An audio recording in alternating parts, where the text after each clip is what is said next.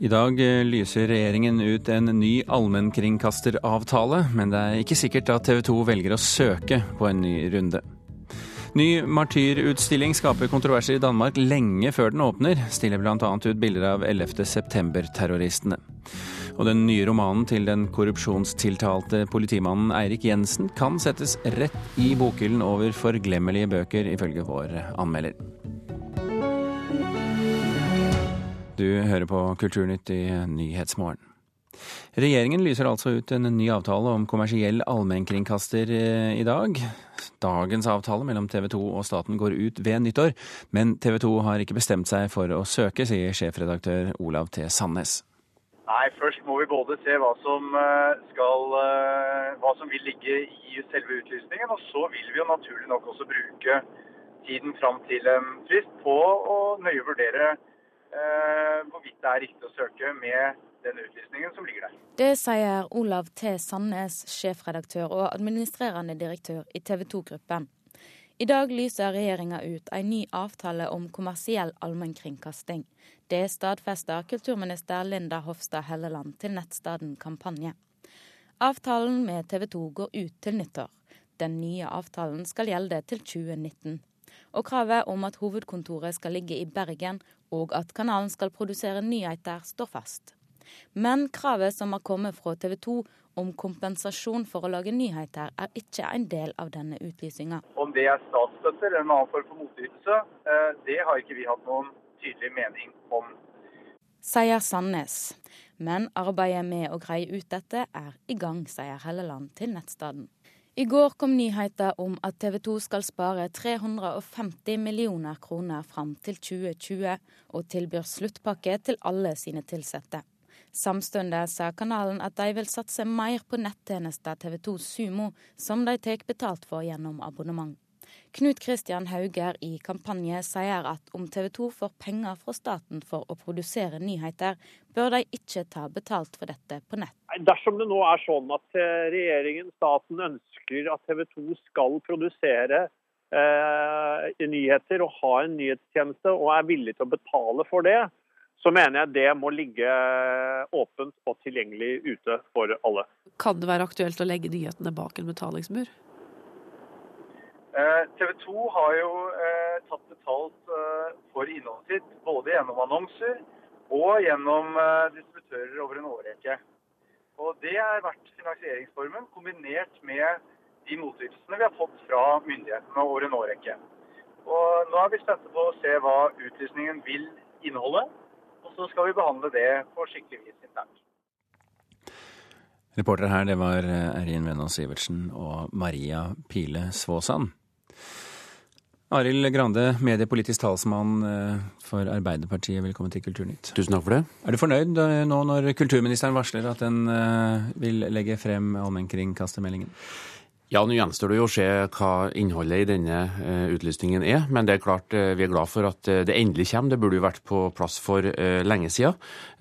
Og så gjenstår det å se om det er aktuelt for noen å søke på denne utlysningen. Fordi det vi har hørt så langt, er at det dreier seg kun om forpliktelser, eh, mens det er lite som tyder på at eh, det ligger noen motytelse eller noen eh, gulrøtter i en sånn ordning. og Derfor så var det viktig det vi fikk på plass i Stortinget tidligere i vår, med en enighet om en ny varig ordning som vi ønsker en sak på før jul. Hadde det ikke vært for at vi kom fram til denne enigheten, så tror jeg det har spøka for en midlertidig avtale. Men hva bør en sånn avtale inneholde rent konkret for å være attraktiv for f.eks. TV 2?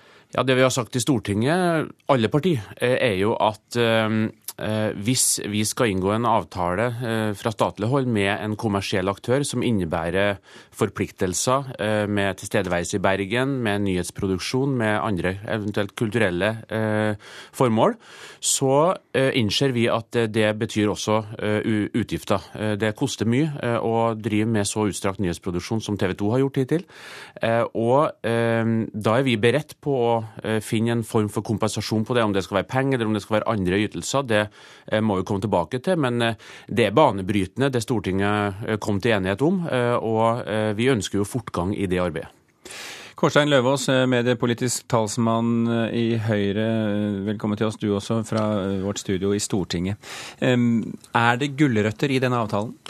Denne avtalen den blir kjent i løpet av dagen. Den har nok noe færre krav og, og kanskje noen lavere kostnader enn det TV 2 har hatt i sin nåværende avtale. De har jo en avtale som, i motsetning til den rød-grønne regjeringen, hvor de gikk over et år uten avtale, så kommer det nå en utlysning i god tid før avtalen går ut. Noe, noe lettere krav og noe færre krav er det nok, men i utgangspunktet så forholder den seg jo til også det som Stortinget har sagt i denne første omgangen når den midlertidige midlertidige avtalen skal på plass, nemlig en lokalisering i Bergen og en, en daglig nyhetsproduksjon. Og Det blir spennende å se hvordan eh, TV 2 nå forholder seg til den når de får tid til å, å gå gjennom den. Så skal sikkert både Arild Grande og jeg også lese den nøye når den blir kjent litt senere i dag. Men hva er gulrøttene? Nei, Poenget er at uh, i utgangspunktet så har jo gulroten for TV 2 vært å ha den eksklusiviteten de har hatt. Uh, så kan man se at i en ny teknisk uh, virkelighet så er ikke det en like stor gulrot som tidligere. Så er diskusjonen hvorvidt det er en ulempe, og i så fall hvor stor er den ulempen å være en kommersiell allmennkringkaster. Det er jo en sak vi skal komme tilbake til når Stortinget senere i år får en egen sak om hvordan man eventuelt skal kompensere kommersiell allmennkringkaster. Men i går så la jo TV 2 frem eh, i hvert fall eh, skisser av strategien for, eh, for fremtiden, der de bl.a. indikerer å gå mer mot nettpublisering enn tradisjonell lineær TV. Får det noe innvirkning på en slik avtale som dette? Jeg tror det er vanskelig om man skal være forsiktig også med å koble disse to sakene. TV 2, som alle andre mediehus i Norge, står overfor en tøff virkelighet, hvor eh, store deler av inntektssystemet de har, blir utfordret. Eh, I går var det nok en tøff dag for de TV 2-ansatte også. Det er en dag hvor alle i et firma får tilbud om en sluttpakke. Det preger nok, eh, nok hele bedriften. Men å koble det til en, en mulig økonomisk kompensasjon for en kommersiell allmennkringkaster, det blir både feil, og det er heller ikke veldig prinsipielt. For det står ingen steder i det som vi ble enige om på Stortinget, at det er TV 2 som skal få kompensasjon i fremtiden. Det vi ønsker, er en kommersiell allmennkringkaster som en motvekt og en konkurranse til den offentlige, nemlig den som i dag da heter NRK. Grande, eh, denne bevegelsen fra lineær TV, fra tradisjonell allmennkringkasting over på en nettbasert eh, kringkasting, eh, bekymrer det deg, eller, eller tenker du at det er veien TV 2 må gå? Eh, jeg tror at det fortsatt i framtida vil være behov for allmennkringkasting lineært. Vi så særlig det behovet f.eks. under terroren i Paris, hvor det blir et enormt informasjonsbehov i befolkningen. Eh, og TV 2 var først ute med å sende eh, live oppdatering til det norske folk. Så det å ha allmennkringkasting lineært, det å ha to store aktører i Norge som NRK og TV 2 er i dag, det vil være viktig i framtida også, tror jeg. Så tror jeg samtidig at eh, allmennkringkastingsoppdraget i framtida kan løses på eh, forskjellige måter. Eh, og Det er jo for tidlig ennå for oss å si noe om hva skal en ny avtale inneholde. Men jeg tror at det at vi nå har kommet til enighet på Stortinget om at vi ønsker en ny varig løsning, eh, det er helt avgjørende for at noen nå skal finne det aktuelt å gå inn på den midlertidige eh, avtalen som i dag eh, utlyses. Fordi at Uansett hva den nå inneholder, så er det lite som tyder på at det er noe annet enn forpliktelser. Men det tror jeg er mulig å drive for en kommersiell aktør, så lenge man vet at rundt neste sving kommer det en ny varig avtale som inneholder også noen, noen kompensasjon. Ja, men hva, men hva si, Unnskyld, Løvaas, men hva hvis TV 2 sier nei? Ja, da har vi en uh, veldig stor utfordring. Og det uh, jeg tror vi må ta inn over oss, som også nyhetene fra uh, TV 2 om kutt i går varsler, er at ingen, nyhets, eller ingen medieaktører i dag er skjerma for de voldsomme kuttene som mediebransjen står midt oppi. Og det at vi har en kommersiell allmennkringkaster, det er ikke gitt oss til evig tid. Og Derfor så haster det å finne en god løsning som eh, er attraktiv også for en kommersiell aktør. Eh, vi kan ikke leve med at vi mister eh, motpolen til NRK på det her. Løvaas, hva hvis TV 2 sier nei? Ja, Hvis TV 2 sier nei, så blir det en, en, en krevende situasjon, selvfølgelig. Men det er også sånn at for det første så vil jo denne midlertidige avtalen lyses ut, og hvem som som helst kan i utgangspunktet søke på den. På den andre side så har jeg lyst til å gripe fatt i det Grande sa, fordi eh, det er jo sånn at hittil har, hittil har det vært svært lukrativt. TV 2 har sendt ganske mange penger til sine danske eiere, så selv om de nå ruster seg for fremtiden, så har det vært gode tider frem til nå. Så det kan godt hende de tenkes å drive noen år til på den midlertidige avtalen. Vi får diskutere dette dette videre utover dagen og de kommende dagene. Kringkastingsmeldingen kommer altså, Allmennkringkastermeldingen kommer altså i løpet av dagen. Kårstein Løvaas eh, fra Høyre og Arild Grande fra Arbeiderpartiet, takk for at dere var med i Kulturnytt.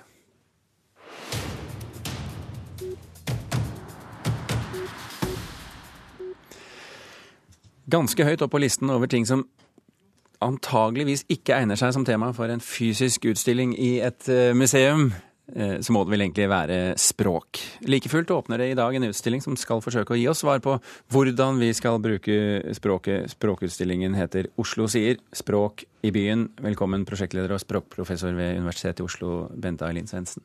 Takk skal du ha. Hvor lett er det å lage en fysisk utstilling eh, av språk? Det er kanskje ikke helt åpenbart hvordan vi skal gjøre det, så vi har eh, virkelig lagt eh, hodene våre i bløt. Men eh, det, som, det er jo en utstilling om talespråk, og talespråk er jo mye lyd. Så det bruker vi da mye i utstillingen. Både lydklipp og språkquiz og dialektquizer og andre aktiviteter, da. Dette er altså noe som foregår på Oslo bymuseum like ved Frognerparken. Hvordan ser denne utstillingen ut når man kommer inn i lokalet? Den ser bare utrolig flott ut. Så hjertelig velkommen, alle sammen. Det var bra spørsmål, det merka jeg. Den er, den er, formgitt av Tank Design, og det er Språkrådet og Multiling ved Senter for flerspråklighet som er ansvarlig for den. Og den er Altså, du kommer inn, da går du inn trappa, og så ser du eh, språk Altså, vi har tekster på veggen hvor vi ønsker velkommen på tolv ulike språk.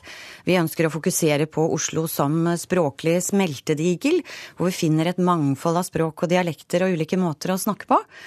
Det er så... For dette handler vel strengt tatt ikke bare om Oslo-dialekten, det handler vel om alt tilfanget som er av dialekter fra hele landet, gjør det ikke? Ja, det er akkurat det det gjør. Vet du, det er en utstilling som er rett og slett viser Norge i miniatyr, og det viser en verden i miniatyr. For det som kjennetegner Oslo eh, nå, er jo det at vi har mange ulike språk i Oslo-skolen eh, som vi ikke har hatt tidligere. Det er faktisk så mange som 228 ulike språk registrert. Så det viser nettopp da hele Norge og en verden i miniatyr. Det er ikke så veldig lenge siden, det er jo kanskje ikke i min levetid, men like fullt. Eh, det er ikke så veldig lenge siden at eh, folk fra andre steder i Norge umiddelbart måtte, måtte legge om språket når de kom, eller dialekten eh, når de kom til Oslo for ikke å få juling. Ja. Og da snakker vi om fysisk bank, rett og slett. Ja. Nordlendinger og bergensere og det. Um, er det, det, var veldig kontroversielt da. Er det fremdeles kontroversielt? Det er eh, På utstillingen så viser vi jo nettopp eh, fortellinger. Vi har filmsnutter med bl.a. Eh, Nils Ole Oftebro, som forteller om akkurat det, hvordan han opplevde det å komme til Oslo på 60-tallet som skuespiller og måtte legge av seg Østfold-dialekten. Og det er også det er ikke fullt eh, Det er nok mer toleranse for uh, språklig variasjon i Oslo i dag enn det det var på 60-tallet. Men allikevel så er det definitivt språkholdninger og hva skal man si, språklige hierarkier og regimer hvor det er noen måter å snakke på som har høyere status enn andre. Ja. Oslo bymuseum, Frognerparken, åpner utstilling i dag. Bente Eileen Svendsen, takk for at du kom til Kulturnytt. Selv takk. Klokken er 17 eh, minutter over åtte akkurat eh, der. Du hører på Kulturnytt, og dette er toppsakene i Nyhetsmorgen nå. Det er trolig ingenting som kan stoppe Donald Trump i å bli republikansk presidentkandidat etter at Ted Cruz trakk seg i natt. I Canada blir 80 000 mennesker evakuert fordi en skogbrann truer byen Fort McMurray. Og FNs sikkerhetsråd holder i dag hastemøte om den syriske byen Aleppo. Det er stor frykt for at den skjøre våpenstillstanden og den FN-støttede fredsprosessen i Syria vil bryte fullstendig sammen.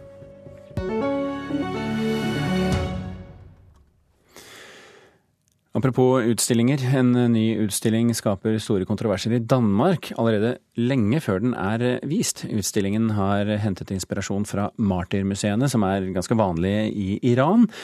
Utstilt er portretter av 11. september-terroristene side om side med andre historiske personer som har gått i døden for sine overbevisninger.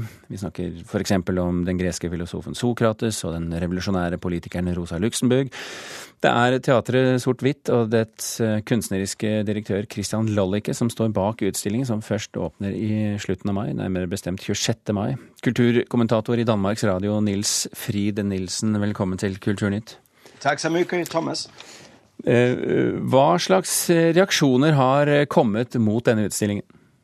Der er kommet meget, meget voldsomme reaksjoner. Den danske kulturminister fra partiet Venstre Bertel Hårder, han sier der er ingen grunn til å vise denne udstilling. Der er ingen grunn til å vise forståelse overfor selvmordsterrorister. Han fordømmer utstillingen klart. Det samme gjør det høyre øh, nationale parti, Dansk Folkeparti. Så det er en, en, en utstilling der deler Danmark allerede innen øh, den åbner. Omvendt så står venstrefløjen bag øh, politikken. Øh, det store øh, venstreorienterede, den store venstreorienterede avis i, i Danmark øh, står 100% bag utstillingen. I en stor forsideartikkel i dag erklærer de at der er brug for en utstilling som nettopp den.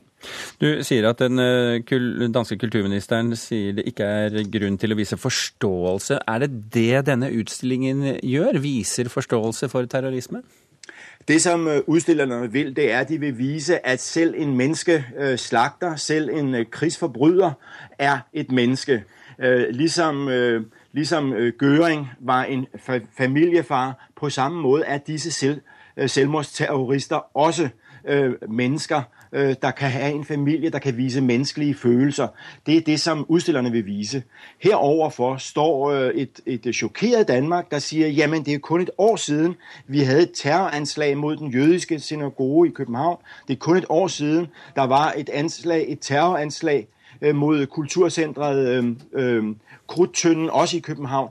Hvordan kan vi øh, vise forståelse overfor mennesker, der slagter vores egen befolkning? Hvordan kan vi, der kæmpede for karikaturtegningene, nu vise forståelse overfor muslimske terrorister? Men er det det det er? Forståelse? Nei, det er et forsøg på å, at indsigt, øh, en forstå, en, et forsøg på at, at sige, at øh, uden å forstå hva det er der driver selvmordsterroristerne, vil vi aldri nogensinde kunne inddæmme dem. Hvis vi bare demoniserer dem, hvis vi bare, hvis vi bare gjør dem til ydre fjender, vi, vi, prøver å slå ned med militær og politi, så vil vi aldri vinde. Vi vil først, øh, vi vil først kunne vinde over dem i det øjeblik, vi forstår hva der driver dem. Mm. Du, du, nevnte eh, terroranslagene mot København. Er det en av grunnene til at, eh, at protestene blir så sterke her? Det er, det er helt sikkert øh, en av grunnene. Danmark var jo i hele verdens øh, øh, søgelys da, da, Jyllands, da avisen Jyllandsposten trykte karikaturtegningene av, av is, is, islamiske øh, fundamentalister.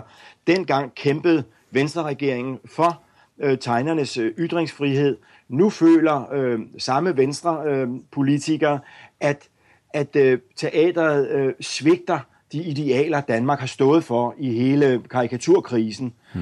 Så derfor er det en, en kamp også om verdier, men nok også en, en, noe der handler om mangel på kommunikation. Der er noe der tyder på at de to parter taler forbi hverandre. Det, det, er ikke første, det er ikke første gang Christian Lollicke skaper debatt, verken eh, i Danmark, Sverige eller Norge for så vidt. For to år siden så satte han jo opp teaterstykket om Anders Behring Breivik. Nå gir han altså islamske terrorister oppmerksomhet.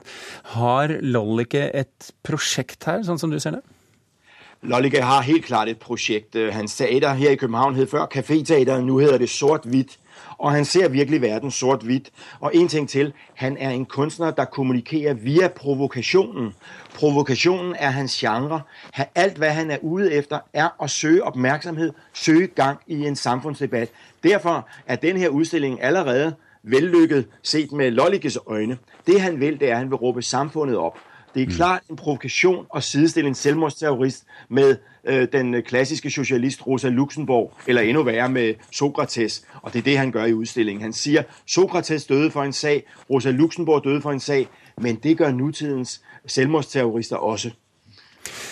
Uh, Nils Frid Nilsen, takk for at du var med i Kulturnytt. Denne utstillingen åpner altså i København, i, i en gammel slaktehall i Kjøttbyen, den 26. mai.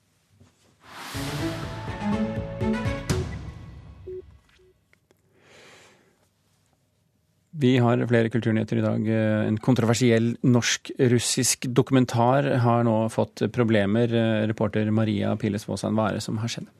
Det er Rushprint som skriver at en dokumentar som den russiske filmskaperen Andrej Nekrasov har laga i lag med det norske produksjonsselskapet Piraya Film, eh, får noen problemer og blir faktisk stoppa. Eh, filmen handler om den russiske varsleren Sergej Magnitskij, som etter avslørt skattefusk av det russiske politiet, ble fengsla og senere døde i fengsel i Moskva i 2009. Eh, veldig mange hevder at han døde som følge av tortur i fengselet. Eh, men under jobben med denne filmen så fant Nekasov ut at det synet endra seg. Altså hvordan han døde. Eh, det har ikke falt i god jord i miljøet som er antirussiske, skulle jeg til å si. Eh, og nå får han eh, truende brev, skriver Piraya Film, eh, fra fra en, en organisasjon som jobber for Magnitskij. Den, denne filmskaperen, hvem er han? Han, er, han, blir sett på som en systemkritiker. Han flytta faktisk til Norge eh, under fribyordningen i 2011 pga. trusler. Og han har tidligere laga film om Aleksandr Litvinenko, som var en venn av han, og som jo ble drept i London for noen år siden. La oss eh, hoppe til den andre siden av jordkloden, til eh, California. Eh, en festival eh, der alle som spiller, er eh, vel, godt over pensjonsalderen.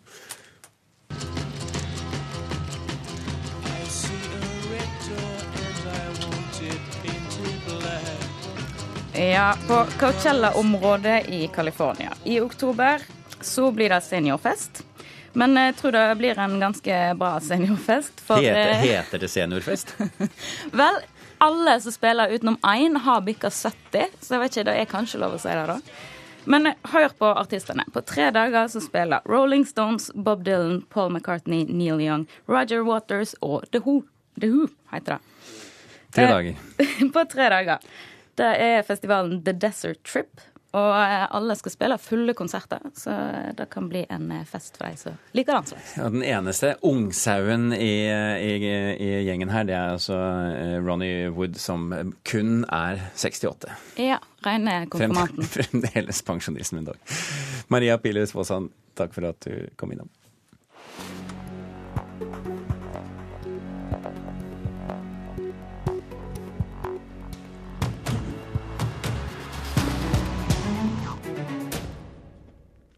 La oss anta at det finnes et visst antall bokhyller i verden der de halvgode og halvdårlige spenningsromanene skal stå.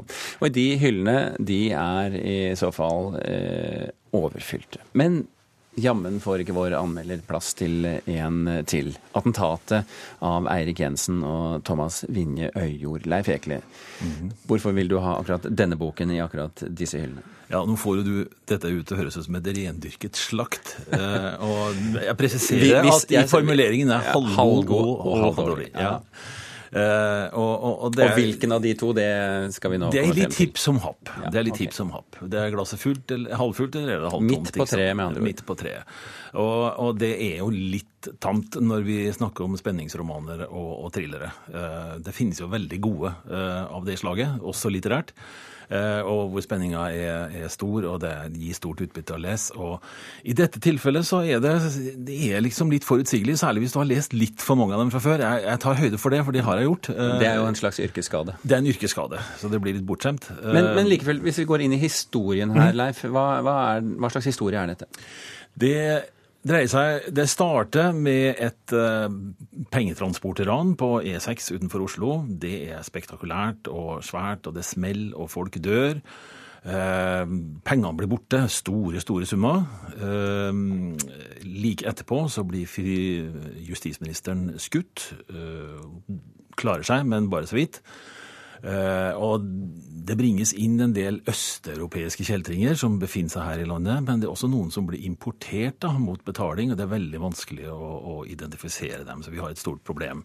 Eller det vil si, politiet har et stort problem. I tillegg, og det er det siste elementet, så er det en, en en litt tidligere historie om en russisk familie som reiser fra Russland og flykter da, fra, fra kriminelle i Russland og prøver å komme inn i Norge. og Dette har da konsekvenser for denne fortellingen. Og her kommer politimannen inn, som er hva slags type? Det er uh, Sjur Holt.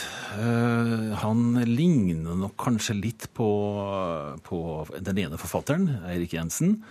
Uh, en litt uryddig type, som politimann betrakta. Mm. Han har langt hår, han har skjegg, han har bling i ørene og rundt halsen. Og han praktiserer metoder som er ukonvensjonelle. Han holder på med noe som heter spesielle operasjoner.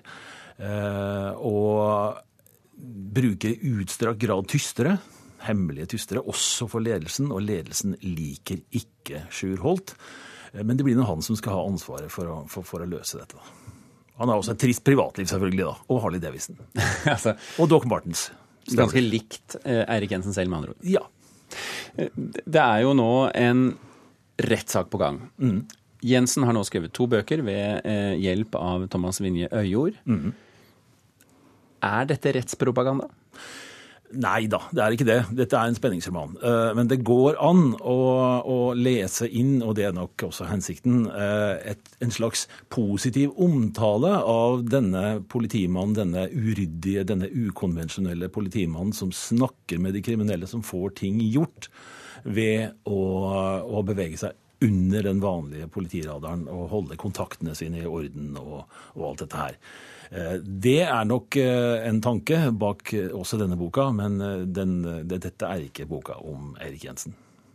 Leif Ekle, takk for at du anmeldte boken 'Attentatet' av disse to gutta. Kulturnytt er slutt. Thomas Alvarstein Ove og Birger Kolsrud Aasund takker for følget.